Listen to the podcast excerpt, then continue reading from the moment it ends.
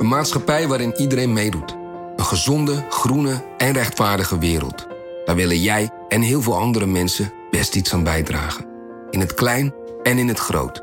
Dicht bij huis en ver weg. Zo hebben we vorig jaar 349 miljoen euro bij elkaar gebracht. Miljoenen waarmee onze goede doelenpartners de wereld elke dag een beetje beter kunnen maken. Nationale Postcode Loterij. Samen voor een betere wereld. Wie reist met NS, reist net even anders. Wij reizen groen, zonder moeite te doen. Oh, zo kan je dus ook een dagje weg. En wij werken in stilte. In stilte? Nou ja, met oortjes dan. Oh, Zo gaan we iedere dag vooruit. stap je ook in?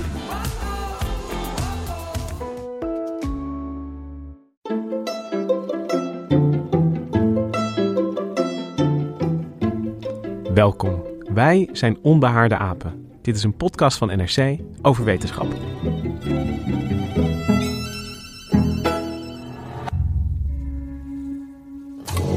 All right, gentlemen, we gonna have ourselves a lot of fun. Rule number one prisoners must remain silent. This is an exercise period. Okay, is it just me, or are these guys taking this thing a bit too seriously? Why don't you give me 20 push-ups? Look at this guy. Thinks he's John Wayne or something. You address me as Mr. Correctional Officer. Het is een van de beroemdste experimenten uit de psychologie, het Stanford Prison Experiment. Sociaal psycholoog Philip Zimbardo deelde in 1971 een groep in tweeën, bewakers en gevangenen. De gevangenen werden opgesloten en Zimbardo observeerde wat er gebeurde. En na zes dagen werd het experiment vroegtijdig gestopt, omdat het compleet uit de hand liep in situaties met vernedering en fysiek geweld. Het experiment toonde volgens Zimbardo aan dat mensen in extreme situaties ook extreem gedrag vertonen. Het slechte in de mens viel zo naar boven te halen. Het Stanford Prison Experiment werd wereldberoemd. Je hoorde bijvoorbeeld aan het begin van deze aflevering een stukje uit de film, de Stanford Prison Experiment uit 2015. Maar het experiment dook ook op in sociologie en psychologieboeken. En Zimbardo's experiment is ook vaak aangehaald om ja, extreme gebeurtenissen te duiden, zoals uh, de misstanden in de Amerikaanse-Iraakse gevangenis Abu Ghraib in 2003. Maar sinds een paar jaar klinkt er ook kritiek op het experiment. Het wordt van verschillende kanten een leugen of fraude genoemd. En vandaag gaan we het dus over dat beroemde experiment hebben, het Stanford Prison Experiment. Moeten we dat nu naar de prullenbak verbannen, gezien alle kritiek die er is? Of hebben we er nog altijd iets aan? En als we het Prison Experiment dan terzijde schuiven, hoe onderzoeken we dan het kwaad in de mens? Om daarover te spreken is vandaag aangeschoven Ellen de Bruin, psychologieredacteur. Ja, hallo. Um, jij bent ook afgestudeerd, nee, je bent gepromoveerd psycholoog. Ja, zelfs. Uh, dus uh, het, het, Stanford Prison Experiment moet ook in jouw opleiding vast ergens uh, genoemd zijn. Heb jij daar nog herinneringen aan? Poeh, het is, het is zeker in de opleiding aan de orde gekomen. Want het, was, het is echt een van de beroemdste experimenten uit de uit de psychologie, maar ik weet niet of we daar toen beeld van hebben gezien. Ik heb wel herinneringen aan andere, uh, zoals het experiment van Milgram, waarbij mensen elektrische schokken gaven aan anderen. Daar heb ik, dat heb ik echt wel op mijn netvlies staan, nog dat we daar filmpjes van gezien hebben. Maar van Stanford Prison Experiment, dat weet ik niet meer precies. En het is in, in beide die experimenten, en daar gaan we het later ook nog hebben, maar is de, de, de beïnvloedbaarheid van de mens springt er zo uit. Dat mensen tot ja, zulke nare dingen te drijven zijn. Ja, en dat is dus ook de essentie van de sociale psychologie. Dat veel van ons uh, gedrag in feite gestuurd wordt door de omgeving. Terwijl we eigenlijk zelf natuurlijk het idee hebben, wij doen dat allemaal, wij beslissen voor onszelf. Maar uh, het, ja, het, het, idee dat dat niet zo is en dat we dus heel veel gedrag hebben dat ons door de omgeving wordt aangereikt, dat is de kern van de sociale psychologie. Ja, je hebt een, een paar maanden geleden, toen alle kritiek uh, nou ja, bijna een hoogtepunt bereikt, heb je ook een mooi artikel geschreven over het Stanford Prison Experiment en, en de erfenis ervan. Uh, uh, met alle kritiek die daarin komt. En uh, nou ja, daar gaan we ook uitgebreid nog, nog over spreken. ook aangeschoven is Hendrik Spiering. Hallo. redacteur Menselijk Gedrag. Ja. En uh, dan uh, moet het uh, Stanford Prison Experiment toch je intrigeren, lijkt me. Ja, dat is altijd. ik heb het niet in mijn studie gehad, denk ik. Dat weet ik eigenlijk niet eens meer. Maar het, het, ja, het is een soort cultureel icoon geworden. Samen met dat experiment van Milgram, waarin dan mensen straffen moesten geven als de, de, de ander een fout antwoord had gegeven. Dat heb ik altijd een beetje door elkaar gehaald. En. Um, het, ja, het is een icoon als je dus nadenkt over uh, is de mens goed of fout. dan komt dat altijd naar boven. Maar of het wetenschappelijk nu, of we er wat aan hebben, ja, daar gaan we het vandaag over hebben. Ja, en Hendrik en Ellen, jullie hebben allebei eh, net even uh, Milgram genoemd. En, en dat is toch een, een tijdgenoot van, van Zimbardo die, die een soortgelijk experiment doet. Maar, maar eigenlijk toch wel weer met zijn eigen uh, uh, eigenschappen op een, op een andere manier. Hoe zat dat precies? Wat heeft Milgram gedaan? Ja, nou, tijdgenoot. Sterker nog, Milgram was een klasgenoot van uh, Philip Zimbardo op de middelbare school ja, in de Bronx.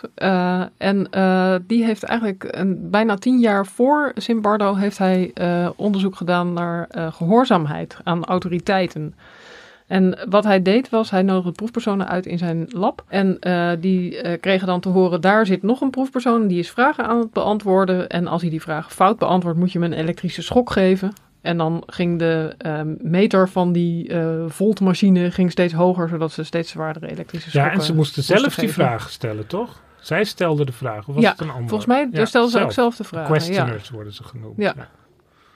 En dan stond er een man bij en als ze, dat, als ze dan die schokken niet wilden geven, dan uh, zei zo'n man in de witte jas, uh, het is voor het experiment belangrijk dat u doorgaat. Dat soort nietszeggende zinnen. En dan, ja, dan deden mensen dat vrij Oh ja, vaak. Schokkend zeggend. vaak eigenlijk. Ja. Niks zeggen. Het, is, het wordt ook weer een soort toneelspel. Ja, voor het experiment moet het. Ja, en dat is dus ook, uh, Milgram heeft dat, heeft dat gepubliceerd onder de titel Obedience to Authority. Gehoorzaamheid aan autoriteiten.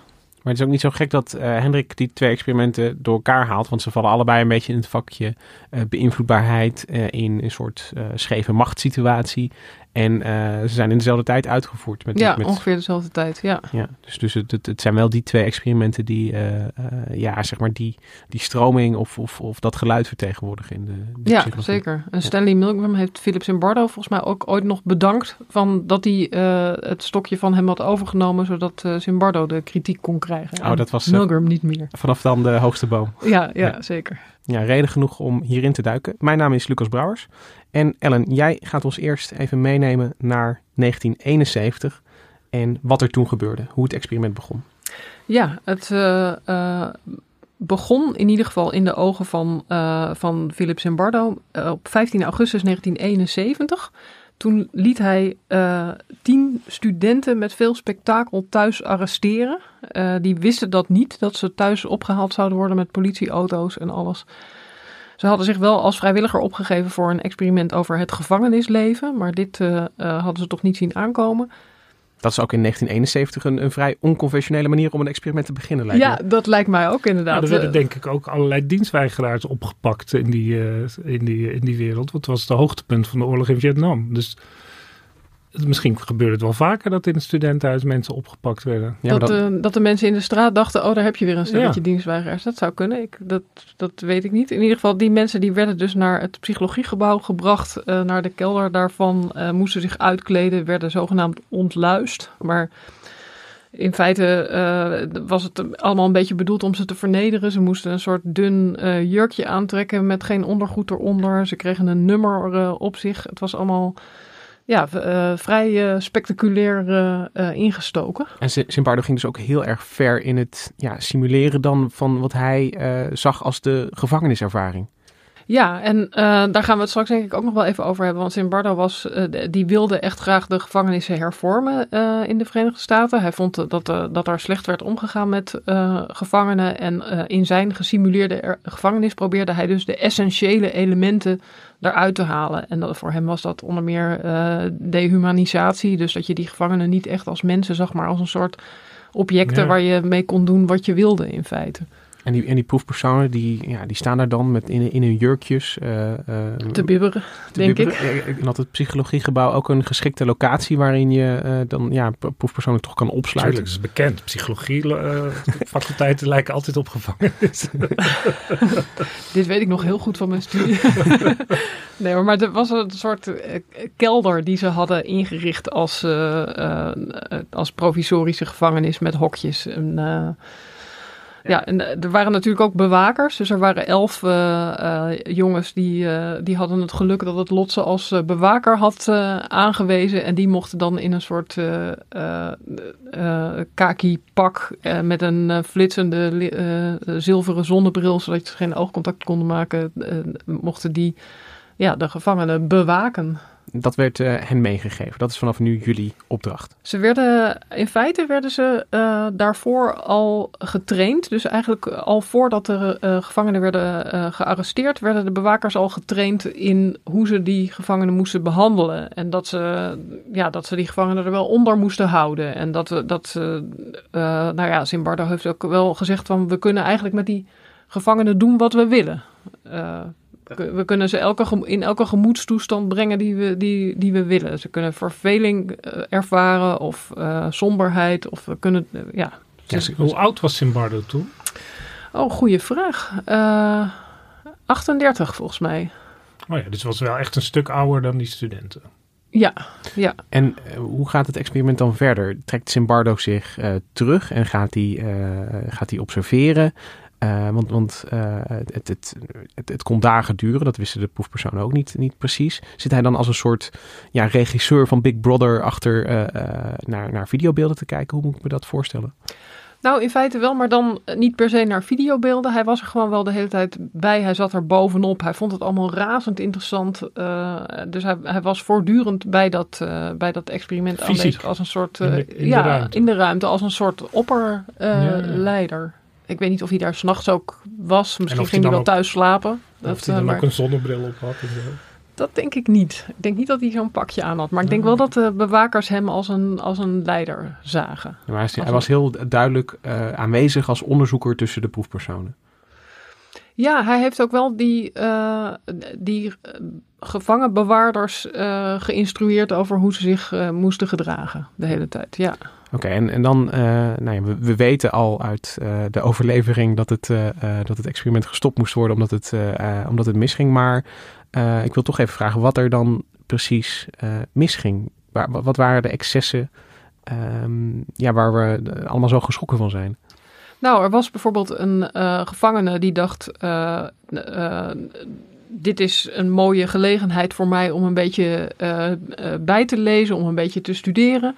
En dat, nou ja, eerlijk gezegd vind ik dat heel voorstelbaar. Dat zou ik zelf ook uh, gehad hebben. Dus dat ik had, dacht, wel, had wel de kans om zijn boeken mee te nemen toen hij werd opgepakt. Nou ja, dat bleek dus helemaal niet de, aan de orde te zijn. Omdat die gevangenbewaarders de hele tijd opdrachten gaven van... je moet zoveel push-ups doen, je moet dit en dat. En, en op een gegeven moment zei, zei die gevangene ook van ja, ik wil eruit. Ik, ik, ik wil hier niet meer aan meedoen. En, Logisch, ja.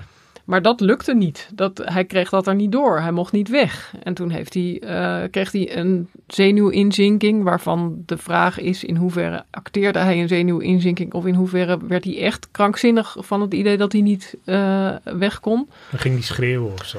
Of, ja, schreeuwen, huilen. ik draai helemaal door, op de grond vallen. en ja, dat is natuurlijk heftig. Ook, ja, heel heftig, ja. En uh, nou ja, op een gegeven moment waren ook volgens mij de bewakers lieten de gevangenen elkaar uh, soort van seksueel bespringen. Uh, en er was een gevangene die in hongerstaking ging en die kreeg de opdracht om dan toch te eten. En dat deed hij niet. En toen moest hij de worstjes die hij kreeg knuffelen. Het was allemaal tamelijk bizar. Het, het, het klinkt als, als uh, ja, een psychologische treiterij, vernedering. Ja. Ik, ik, ik hoorde ook wel een, een, een, Ik moet ook een beetje denken aan, aan ontgroeningsrituelen van uh, Ja. studentenverenigingen. Ja. Als, als, ik het, als ik het zo hoor, zo'n zo'n ja, groep toch ja, jonge uh, mannen die, die, die opdrachten verzint voor een andere groep. Nou, het interessante van ontgroeningen is dat de mensen die daar de, de, de dader zijn, laat ik het zo zeggen, de bewaker die hebben dat in hun eerste jaar zelf als, als, als onderling meegemaakt. Dus als, als gevangenen. Ja, dus de, de context is iets anders. Zeker, maar gewoon als ik, het, uh, uh, als, als ik het, het plaatje me probeer voor te stellen, dan, dan zie ik ongeveer zo'n situatie voor me. Hè? Een, een, een groep met ja, de macht, ja. die die ook uitoefent over uh, de andere groep zonder. Oké, okay, dus, dus Simbardo heeft deze situatie echt gecreëerd. Um, wat wilde je zei net al, hij wilde uh, iets over het gevangeniswezen uh, zeggen. Maar ik, ik, wil ook concreter weten, wat, wat zag hij voor zich van het experiment? Hoe lang moest het duren volgens hem? Dat weet ik niet precies. Hoe lang het, uh, of, of hij al Twee bedacht had hoe lang het moest, moest duren. Uh, ik weet wel dat het na zes dagen werd afgebroken. Uh, toen kwam de vriendin van uh, Zimbardo eens kijken wat er, waar, die, waar die nou zo druk mee was. Christina Maslach, ze zijn nog steeds getrouwd. en die zag ja, hoe de situatie daar uit de hand aan het lopen was. En ook hoe Zimbardo daar een beetje van aan het genieten was. Van moet je kijken wat voor uh, geweldig experiment dit is. En die vriendin zei van ja, maar dit kan echt helemaal niet. Uh, wat zijn jullie hier nou aan het doen? En toen kwam Zimbardo ook bij zinnen en heeft hij gezegd oké, okay, uh, stoppen ermee. I didn't get involved with the experiment to the end. I didn't know much about it. Uh, I had finished my PhD at Stanford. I had gotten the job at Berkeley. I was packing up and getting ready to get started. Towards the end of that week, Phil called me and said, Could you come down and help out? We need people to do some interviews and stuff. So I said, Yes, I would. So I came down and saw this, and interestingly, although a lot of people had come down and visited or participated, nobody got upset by what they saw. And I did. I just had this huge fight with Phil about what I saw, and particularly what I saw in him, as he had somehow been sort of sucked into the whole environment of this prison. And uh, and really wondering, is this the real you, as opposed to what I think of as the nicer, loving, caring guy? Uh, but at the end of it, he then decided, this is it. I've got to shut down the prison. And so then the next day. Het, zoals uh, Maslach dit uh, hier vertelt, uh, vind ik het echt dapper wat ze heeft gedaan. Dat ze, uh, ik bedoel, dat experiment is, is, is draaiende en, en, en, zij is, nou ja, zij, kent Zimbardo goed, en, en maar, maar weet ook hoe belangrijk het misschien voor hem is, maar besluit toch om in te grijpen. Ja, het is ook dapper, maar je moet wel bedenken dat Zimbardo natuurlijk al zes dagen bezig was met zo'n situatie en daar helemaal in, ja, een beetje misschien zoals een, een, een kikker in een, in een pan water mee opgewarmd was. En Christina Maslach komt dan in die situatie en ziet het ineens vanaf 0 naar 100 gegaan zijn. Ja, die, die, die ziet echt de extreme situatie voor wat die is op dat ja, moment. Die, die ziet het, ja, die kan er doorheen kijken. Of, ja. ja. En, en Zimbardo stopt het experiment. Die mensen mogen weer uh, uh, naar huis, worden misschien bedankt. En, uh, dat mag je toch hopen, ja. dat ze bedankt worden. Ja. Ze zullen wel 25 dollar hebben gekregen of zo. Nou, ze kregen 15 dollar per dag. En als je dat corrigeert voor inflatie is dat nu 85 euro. Dus dat is nog best voor een student een hoop geld. Ja. En dat was ook een van de redenen dat sommige van die gevangenen dachten van... Uh, ja, ik kan moeilijk weggaan, want het is best veel geld waar ik op heb gerekend dat ik zou krijgen. Ja, het, het experiment wordt dus stopgezet. Uh, maar Zimbardo is duidelijk nou ja, onder de indruk en gefascineerd door, door wat hij gezien heeft. Want uh, uh, in zekere zin kun je zeggen dat het, het publieke leven van het, het Stanford Prison Experiment nu gaat beginnen, al in 1971. Want Zimbardo zoekt heel actief de media op. Ja, hij stuurde al persberichten uit terwijl het experiment nog liep. Dat is, tegenwoordig zou dat niet meer kunnen, denk ik. Hoewel... Het zou wel geweldig zijn als we dat kregen, dat we dan gelijk konden gaan kijken. Een hele andere soort wetenschapsjournalistiek. Ja. ja, in die zin Waarom ja. slaat u deze meneer, weet je? Ja, het hele experiment zou nu natuurlijk niet meer kunnen. En ik zit nu ook te denken, we krijgen natuurlijk nog wel eens persberichten van dit onderzoek gaat nu beginnen, uh, kom allemaal langs. Maar de, de, uh, dat is toch wel echt heel anders dan moet je kijken, ik ben nu halverwege en ik ja. heb nu al deze resultaten. Dat, is, dat zou nu wel heel vreemd zijn als je dat kreeg. Het is zelden zo'n uh, theaterstuk als dit natuurlijk. Ja, en het woord theaterstuk is ook wel goed, omdat het, uh, als je terugkijkt op dat experiment, dan is het ook in feite echt een soort theaterstuk misschien veel meer een theaterstuk dan een, uh, dan een wetenschappelijk experiment. Maar goed, dat. Maar Zimbardo voelt, Zimbardo voelt wel heel duidelijk aan dat, um, uh, nou ja, dat media misschien interesse hebben. Of tenminste, hij, hij, gaat, hij doet er zelf alles aan om het onder de aandacht te brengen. En dat lukt ook. Ja, en wat ook uh, zeker hielp, is dat uh, de maand na dat experiment braken er enorme gevangenisopstanden uit in de Verenigde Staten. De Attica Prison Riots. En nou ja, dat is uh, echt een gevangenisopstand geweest waarbij meer dan 2000 mensen betrokken waren. Er zijn meer dan 40 doden gevallen. Dus dat was nationaal nieuws. Ja, en dan uh, gaan die journalisten kijken uh, wie hebben we hier nog in onze Rolodex staan om die we kunnen bellen. En dan komt Zimbardo daar natuurlijk uitrollen. Ik denk dat we die dynamiek ook van hier uh, herkennen als er heftige gebeurtenissen zijn. Een massale schietpartij, weet je. De, de, de vraag is al heel snel van waarom, hoe kan dat? En op een dergelijke manier komt Zimbardo dan ook naar voren in de media als, als expert van het gevangeniswezen. Ja, absoluut. Ja, en hij, hij wil dat ook graag. Ja. Dus dat, ja... Ja, hij heeft net zelf zoiets in scène gezet. Dan wil je wel Ja. weten eh, wat hij van die opstand vindt. Ja, ja. Maar het is dus best wel bijzonder dat, dat een, een wetenschappelijk experiment normaal gesproken, eh, ja, dan moet, moet dat nog gepubliceerd worden en, en dan gaan vakgenoten het eerst lezen. Weet je, die, die, die, ehm, die aanloop naar eh, het publieke bewustzijn is normaal gesproken veel langer. Terwijl je dit kan zeggen van hiervan begon dat publieke leven eigenlijk meteen al na eh, dat het gestopt was. Ja, en het is natuurlijk ook een andere tijd. Het, is, eh, nou ja, het was dus 1971 en eh Zimbardo heeft voor het eerst eh, in wetenschappelijke tijdschriften gepubliceerd over dat experiment in 1973. Maar het grappige is, eh, toen heeft hij in twee tijdschriften tegelijk eigenlijk dat jaar daarover gepubliceerd. En in eh, de New York Times een, eh, een groot stuk. Wat ook heel Wat hij bijzonder zelf is. geschreven wat hij zelf geschreven had. Ah. En dat is ook. Daarvan denk je nu ook, dat zouden wij ook niet echt heel snel doen. Dat je een wetenschapper over zijn eigen onderzoek een heel groot stuk laat schrijven. Ja, dat eh, zou in de jaren tachtig nog wel gedaan zijn bij NRC. Dat herinner ik me nog wel. Ja, denk je? Ja, ja, ja. Dat, eh, dat een wetenschap als een soort expert-auteur Ja, een, een een, beetje essayachtig. En eh, ja, hij weet het toch het beste. Ja. ja. Ja, misschien hadden we toen ook nog meer eh, ontzag voor autoriteiten. En zagen we wetenschappers meer als autoriteiten. En nu meer als mensen die ook wel eens een foutje maken. Ja, er is veel gebeurd. Ja, Maar in de jaren zeventig is eh, eh, Zimbardo al, al eh, nou ja, een, een gevraagd expert. En dat, eh, eh, dat houdt eigenlijk eh, eh, niet meer op. Of tenminste, Zimbardo wordt, lijkt steeds opnieuw relevant. En, en de lessen die we eruit trekken. En een van de opvallendste, of meest recente keren is na de Amerikaanse-Iraakse oorlog. Ehm, eh, de- in Abu Ghraib is een Amerikaanse-Iraakse gevangenis eh, eh, die daar in 2003 Ehm, in 2003 blijken er allerlei dingen te zijn misgegaan met marteling van de gevangenen, eh, met mishandeling van eh, eh, gevangenen. Ja, vernedering met van die puntmutsen. Dan moesten ze bepaalde houdingen aannemen. Dan werden er lachend foto's van gemaakt. ja, ze moesten op elkaar gaan liggen. En dan was die vrouw Lindy England, heet ze geloof ik. Met, die dan met een duim omhoog ernaar ging staan wijzen. Dat eh, En- was allemaal Over vreselijk. theaterstukken gesproken. Ja, ja. Maar als je, als je het zo eh, v- van de buitenkant die, die, die foto's ziet, eh, vind ik de vergelijking in, in eerste opzicht met wat er eh, in, in, in Zimbardo's experiment gebeurde niet gek. Ik vind Nee, het- je ik- begrijpt heel goed dat ze dan eh, daarnaar weer gaan kijken. Absoluut. Ja. Ja. En eh Zimbardo eh, moedigt dat ook aan, of tenminste hij eh, in, in 2007 eh, komt uit met een soort herinterpretatie van, van zijn eigen experiment ook eh, eh, in een boek. Ja, hij heeft de, de Lucifer-effect geschreven eh, over, ja, over die vraag waarom mensen eh, slechte dingen kunnen gaan doen, in, terwijl het toch in principe normale mensen zijn. Dat is een boek van 551 bladzijden en eigenlijk gaat eh, bijna de helft over eh, dat experiment hij, experiment. Hij vertelt gewoon dat experiment nog eens helemaal na, tot in, ja, tot in de allerkleinste eh, details die er nog te vinden zijn. Ja, en in, in dat boek legt hij ook heel duidelijk de koppeling met eh, de misstanden in Abu Ghraib. So what happened was a few years ago,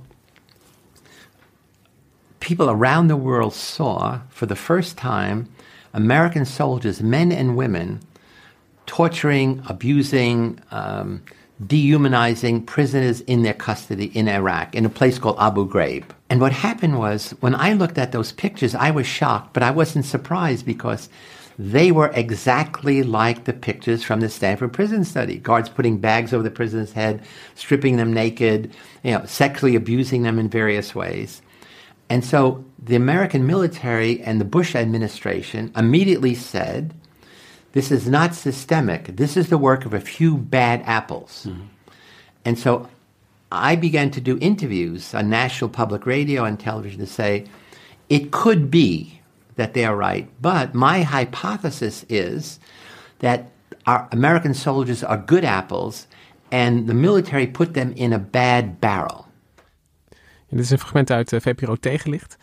Um, uh, en je hoort hier Zimbardo eigenlijk precies de les van uh, zijn eigen experiment op Abu Ghraib projecteren. Want hij zegt hier, de Amerikaanse soldaten zijn in wezen goed. Net zoals zijn proefpersonen in wezen nou ja, normale jonge mensen waren. Maar ze zijn in een slechte situatie gebracht. En daardoor kon, de, kon het zo misgaan. Ja, en dat is dus uh, weer de essentie van de sociale psychologie. Dat de situatie uh, uh, beïnvloedt wat mensen, hoe mensen zich gaan gedragen in feite. Dat ja. is wat hij daar vertelt. Ja, goed. Ik denk, ik denk, dat we nu op het punt zijn dat we inderdaad nou ja, zien uh, ja, hoe het Stanford Prison Experiment... Want, want er volgden nog documentaires, films, gewoon omdat het zo tot de verbeelding sprak. Maar er klinkt ook kritiek. En daar gaan we het nu over hebben, Ellen. Um, ja, wat voor wat, moet ik me voorstellen? Op, welke manier wordt uh, het Stanford Prison Experiment allemaal aangepakt? Nou, het belangrijkste kritiekpunt is wel, uh, Zimbardo zou altijd gezegd hebben, je deelt een willekeurige groep uh, jongens in, in bewakers en gevangenen en moet je zien, het loopt uit de hand. Maar de kritiek die dan steeds meer klinkt is, Zimbardo heeft in feite die bewakers er zelf toe aangezet om die gevangenen zo te gaan vernederen en om ze, ja, om ze te dehumaniseren. Hij, hij wilde in feite al naar een bepaalde uitkomst toewerken. Hij wilde die gevangenishervormingen voor elkaar krijgen. En hij wilde dus laten zien dat de gevangenis een slechte situatie was. Terwijl het, het, het beeld dat je zou kunnen krijgen is van... Uh, ja, je, je deelt een groep in, in tweeën. Uh, en, het, en het gaat vanzelf mis. Is de kritiek hier van... Nee, dat, dat, dat gaat niet meer zo, zomaar vanzelf. Je moet wel je best doen om uh, een, een, een soort ja, strijd of, of in ieder geval een soort uh, dehumanisering van de ene groep te bewerkstelligen en, en, en die mensen een duwtje te geven in de verkeerde richting. Nou, het interessante is, het is onduidelijk of dat duwtje nodig is. Uh, maar wat Zimbardo in feite heeft gedaan, is een uh, soort gouden regel van het sociaal-psychologisch experiment schenden. Hij heeft zijn bewakers expliciet meegegeven wat hij wilde van het experiment. Namelijk, je moet die gevangenen slecht aanpakken. Uh, dat moet je nooit doen, want het is al lang bekend, het was ook in die tijd al bekend, dat proefpersonen aan een sociaal-psychologisch experiment, die willen heel graag goede proefpersonen zijn.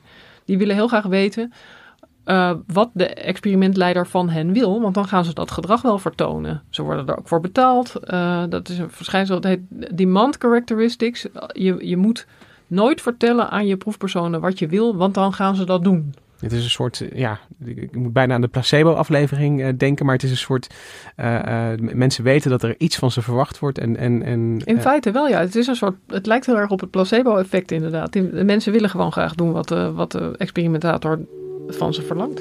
I arrived independently at the conclusion that this experiment must have been put together to prove a point about prisons being a cruel and inhumane place.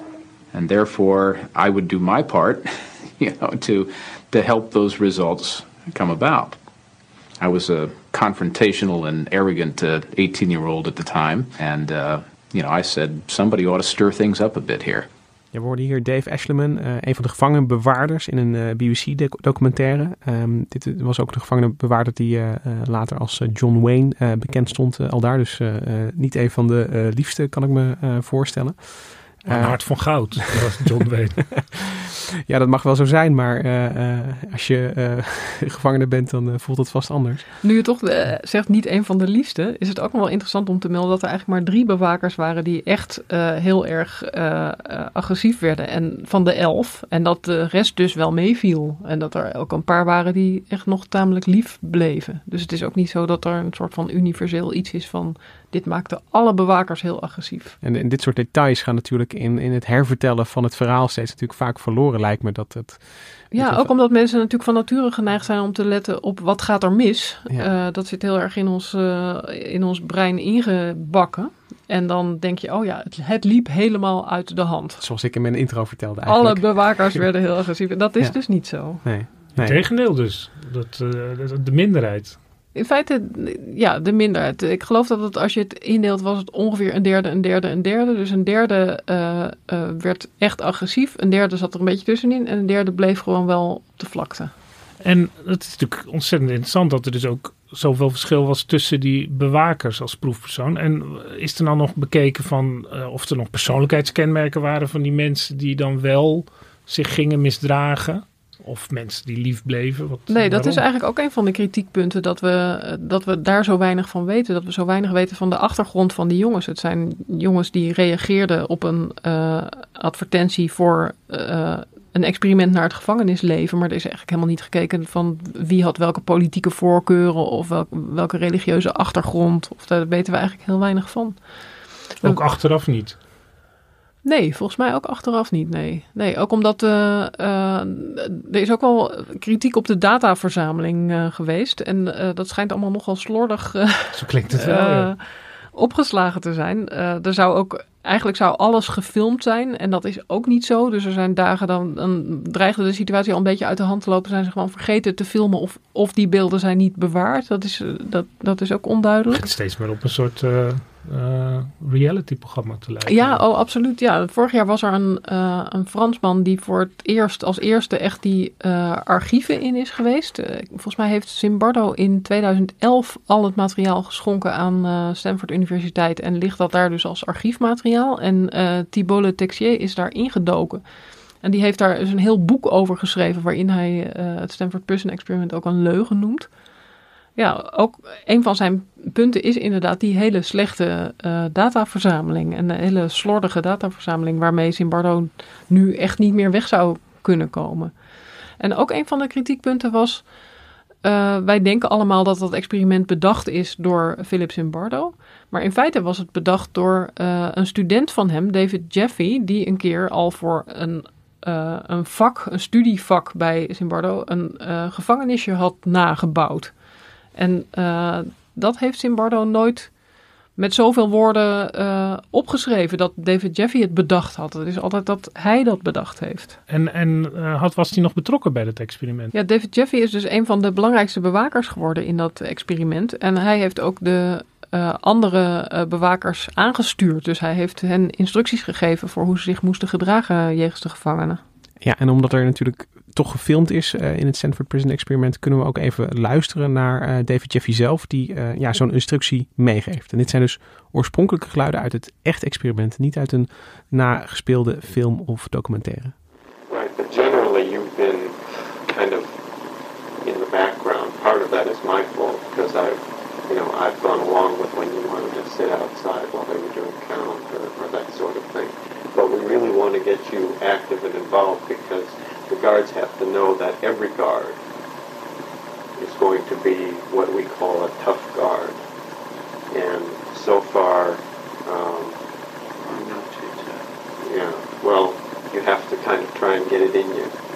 Well, I don't, I don't know about that. See, the thing is, what I mean by tough is, you know, you have to be um, firm, and you have to be in the uh, and that sort of thing. Um, it's really important for the, for the workings of the experiment. Ongelooflijk, ja, dit fragment. Directe beïnvloeding eigenlijk gewoon van, van het, het... Nou ja, je zei al, Ellen, dat, het een, uh, dat je het goed kon vergelijken met een theaterstukje. Maar dat... Hij, hij zegt hier gewoon letterlijk, je moet, uh, uh, je moet meer actie ondernemen. Je moet, je moet ze harder aanpakken. Ja, ja het is een soort rollenspel. Wat bewijs je hier nog als je het zo doet? Dus niet als, als een soort commandant zeggen: je moet tof zijn, maar echt op een hele vriendelijke manier. Ja, het is heel belangrijk voor het experiment ja. dat we dit zo doen. Ja, in feite verschilt het niet zoveel van uh, dat experiment van Milgram, waarbij een man in een witte jas zegt: uh, je moet deze proefpersoon nu een elektrische schok toedienen. En dan gaan mensen dat doen. Ja, is... binnen het theaterstuk van het experiment. Precies, precies, ja. Ja, dus je weet eigenlijk niet wat de randvoorwaarden zijn waaronder mensen zulk extreem gedrag gaan vertonen. En dat wil je eigenlijk weten. Ellen, ik kan me niet voorstellen dat je dit experiment uh, uh, alleen al om de, de ethische aspecten in, uh, in 2019 of in 2020 opnieuw zou kunnen doen. Nou, dat is inderdaad interessant, omdat ook een van die gevangenen achteraf heeft gezegd: Ja, we zouden eigenlijk. Ik heb er eigenlijk spijt van dat ik Zimbardo niet heb aangeklaagd vanwege wederrechtelijke vrijheidsberoving. Omdat Zimbardo eigenlijk niet toestond dat die gevangenen het experiment verlieten. En daar heeft hij later ook echt een beetje rommelig antwoord op gegeven van nee, maar ze moesten een bepaalde codezin uitspreken van hierbij verlaat ik het experiment, zo'n soort zin.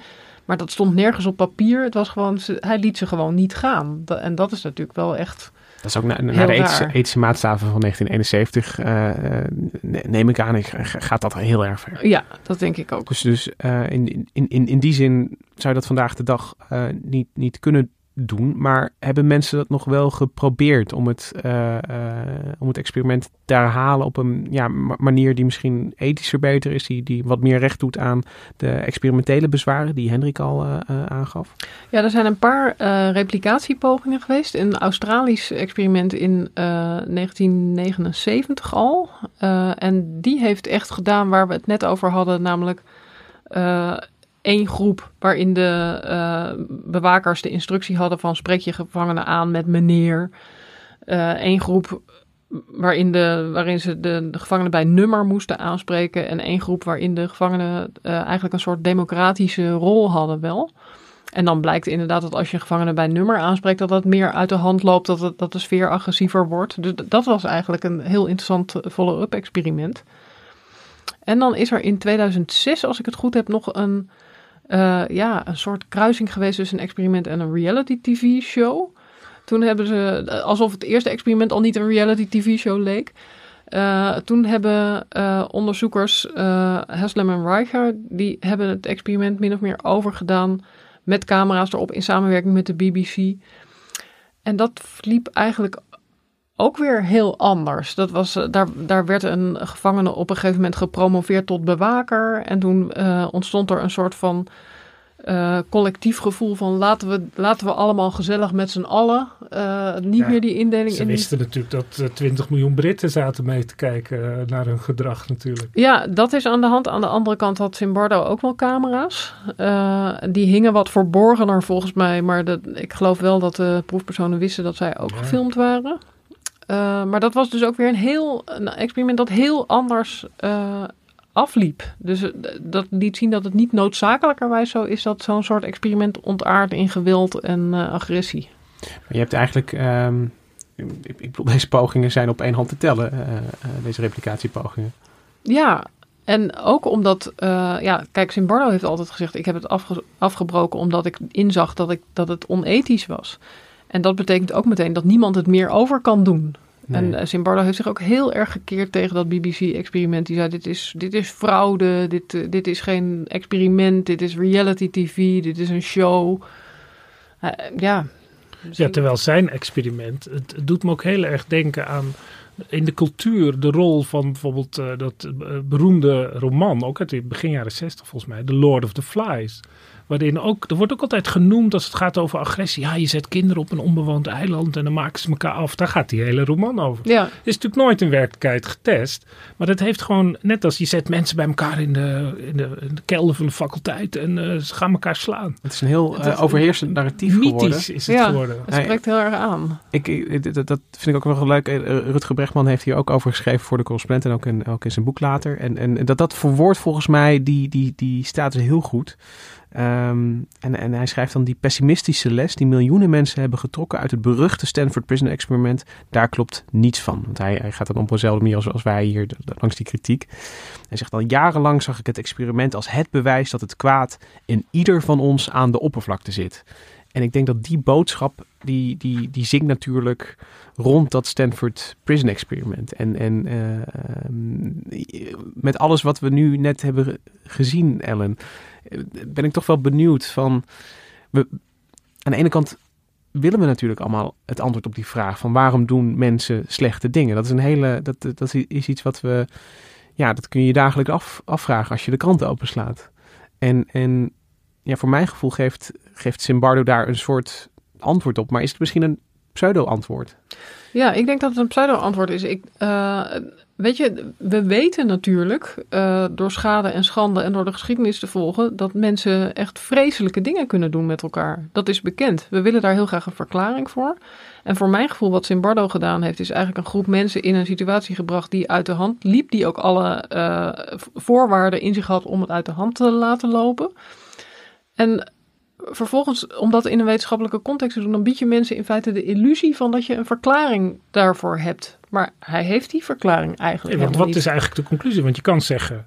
Wat er het, wat er het Gebrechtman kennelijk uh, zegt: van ja, de, de beest en de mens zitten op de, de heel vlak onder de oppervlakte. Ja, dat, was dat hij, wijst hij dan af natuurlijk, Ja, maar precies. dat zou dan de conclusie zijn.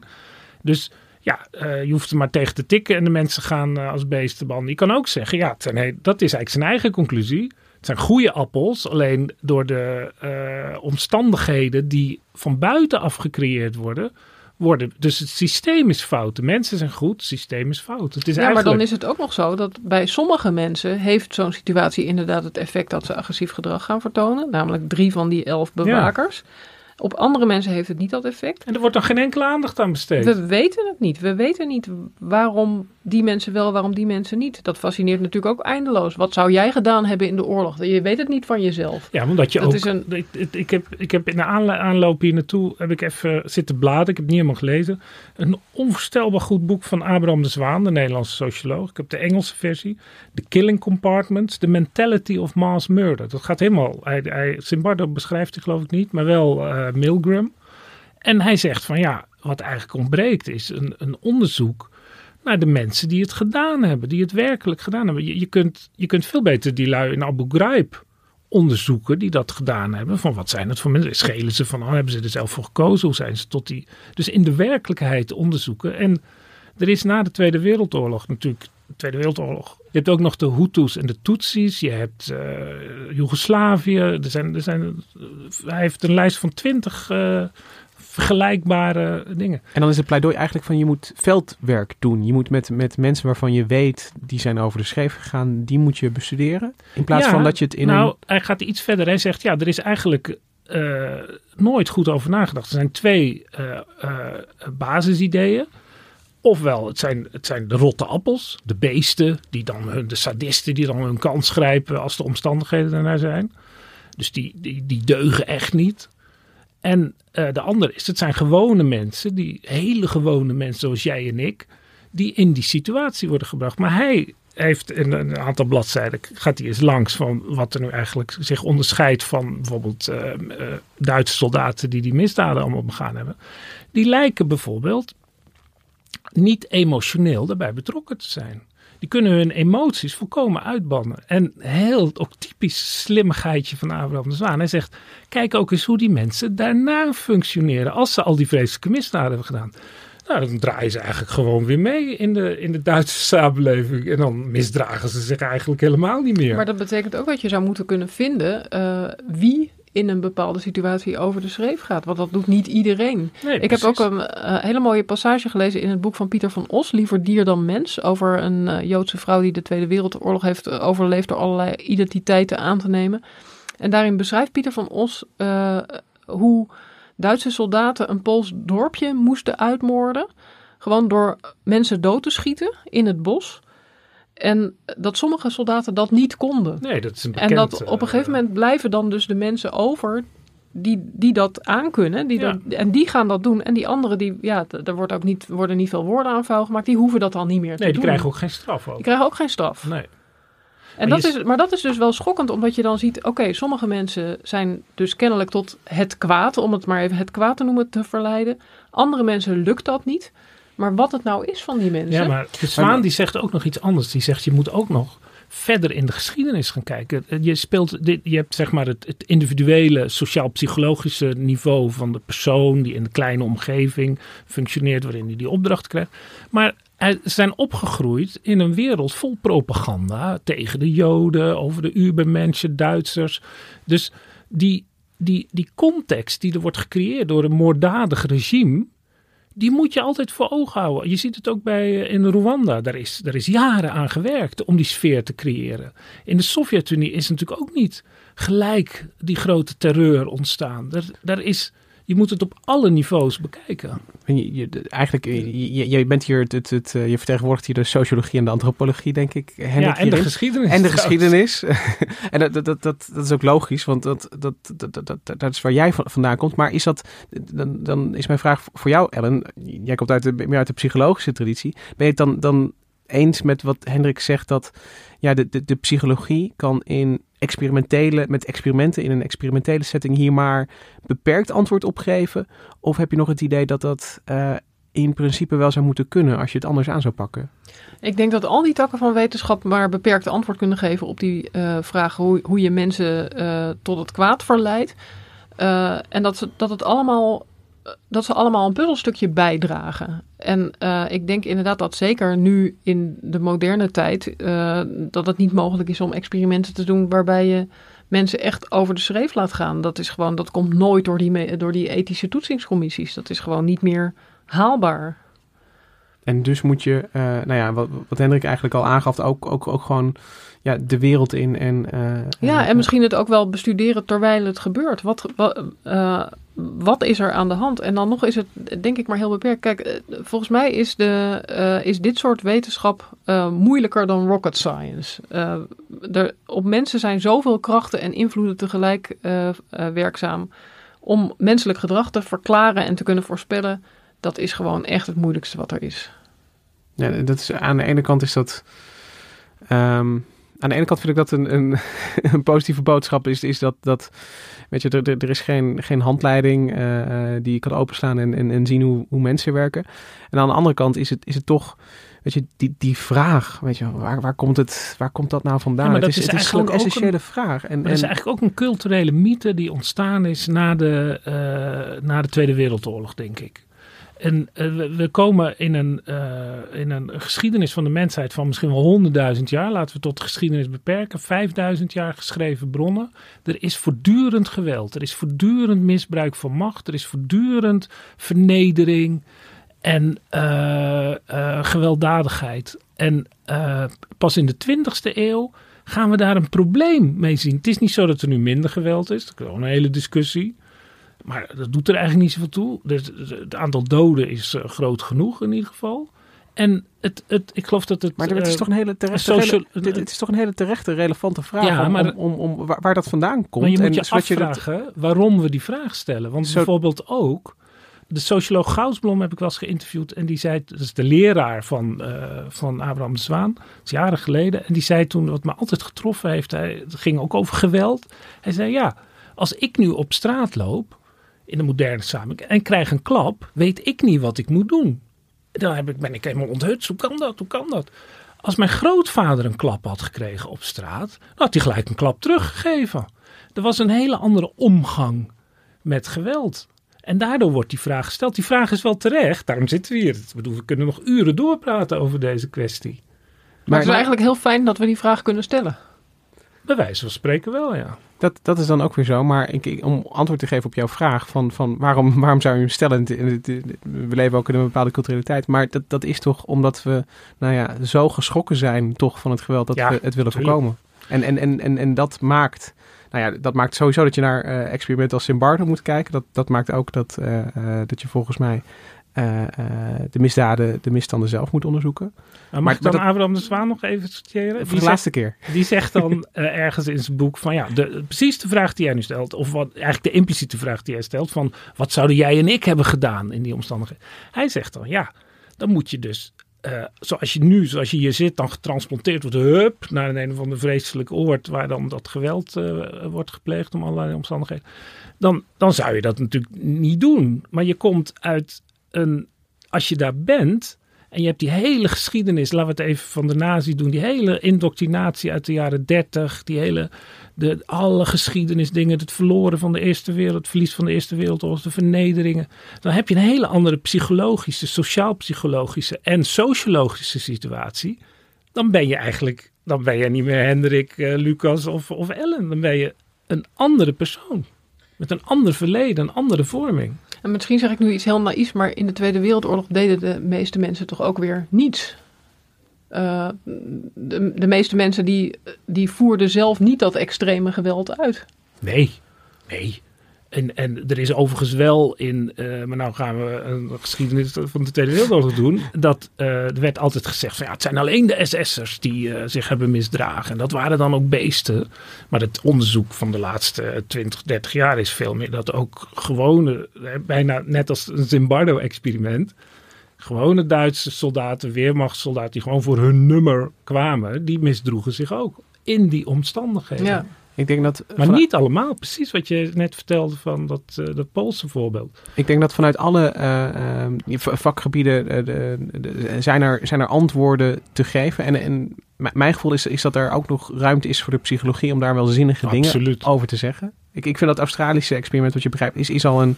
En die, die, die soort van replicatiestudie is al een, een, een soort stapje die kant op. Oké, okay, wat, wat zijn dan die factoren, die onafhankelijke variabelen die, die je noemde? Um, maar het, het, het, het, het blijft een soep, die, die, uh, die ja, mensen. Ja, welkom in de sociale psychologie. Dat is natuurlijk altijd een soep. Um, een hele concrete vraag die ik dan uh, nog heb is, uh, hoe is het afgelopen met Simbardo? Nou, die is nu volgens mij... Gevangenisdirecteur geworden. nee, nee, wel een van, die, een van die bewakers is volgens mij in een, in een gevangenis gaan werken als gevangenispsycholoog. Simbardo is volgens mij uh, knap gereinigd dat zijn uh, uh, reputatie nu ineens nog zo ja, te grabbel wordt gegooid. of in ieder geval aan discussie onderhevig is. Ja, je bedoelt dat hij kritiek krijgt? Hij krijgt heel veel kritiek. En, en ook mensen die zijn experiment een, een leugen noemen. Dat is natuurlijk ja, wel echt extreem. En aan de andere kant... En hij... dus iemand die dat experiment heel goed bestudeerd heeft. Dat is natuurlijk extra pijnlijk. Ja, ja. En ook, ik denk ook dat, dat Simbardo oorspronkelijk dat wel allemaal met de beste bedoelingen gedaan heeft. Dat die, uh, de, ook die gevangenishervormingen die hij wilde, was natuurlijk ook met de beste bedoelingen. Maar dat experiment van hem wordt nu wel echt neergesabeld uh, de, in, in, de, in de wetenschappelijke uh, wereld. En dat is ook wel. Kun je stellen dat het eigenlijk eerst. Terecht. Uh, ja, dat het eerst te ver is opgehemeld en dat het nu dan ook heel diep moet vallen. Om, om... Ja, dat gevoel heb ik wel, ja. ja. What goes up must come down. Ja. Het is wel echt een. en, en hij heeft daar natuurlijk zelf ook aan bijgedragen. En ik denk ook wel dat hij ijdel is en dat hij graag in de belangstelling stond. En, en nou ja het is nu, het is nog steeds zo dat uh, onder zijn leiding uh, dat er mensen zijn die agressief gedrag hebben vertoond. Dus in die zin uh, is het, heeft hij ook wel aangetoond wat hij wilde aantonen. Alleen hij is daar zelf misschien meer de oorzaak van dan hij zou willen toegeven. Dus we zetten Zimbardo niet helemaal bij het oud vuil. Maar de lessen die we eruit trekken, die moeten wel van een disclaimer worden voorzien. Ja, absoluut. ja. ja. Nou, ik denk dat dat is dan tenminste nog het, het meest concrete antwoord dat we kunnen geven in, uh, in deze aflevering. We hebben het kwaad niet opgelost, maar we hebben er wel mooi een uh, klein uur over, uh, over kunnen praten. Um, Ellen, dankjewel dat je Graag over Zimbardo wilde vertellen. voor wie nog geïnteresseerd is, kan ook nog het stuk teruglezen wat Ellen een paar maanden geleden hierover schreef. Dat zetten we in de show notes. Hendrik ook bedankt. Ja. Michel Manita, bedankt voor de productie. En die fijne tune die je altijd hoort, die is van het Dudok Quartet. Tot volgende week. Nou, eigenlijk van Ravel, maar gespeeld door het Quartet. Dankjewel. Ik moet trouwens nog iets rechtzetten, nu je toch maar aan het corrigeren bent. Ik heb in de vorige aflevering uh, gezegd dat uh, asbest een kunststof is. En dat is niet zo. Het is een delfstof. Het zijn, ja, het, het, zijn kristallen eigenlijk die dunne draden vormen. En die delf je gewoon in de natuur. Er is helemaal niks kunstmatigs aan. En dat is met dank aan Twitter-gebruiker Ilko die me hierop wees. Tot volgende week.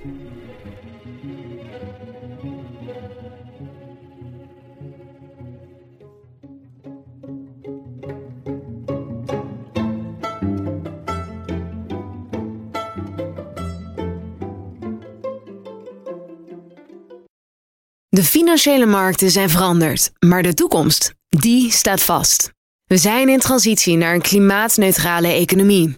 Dit biedt een van de grootste investeringskansen van onze generatie. Een kans voor u om mee te groeien met de pioniers van morgen. Meer weten? Ga naar carbonequity.com. Carbon Equity. Do good by investing better.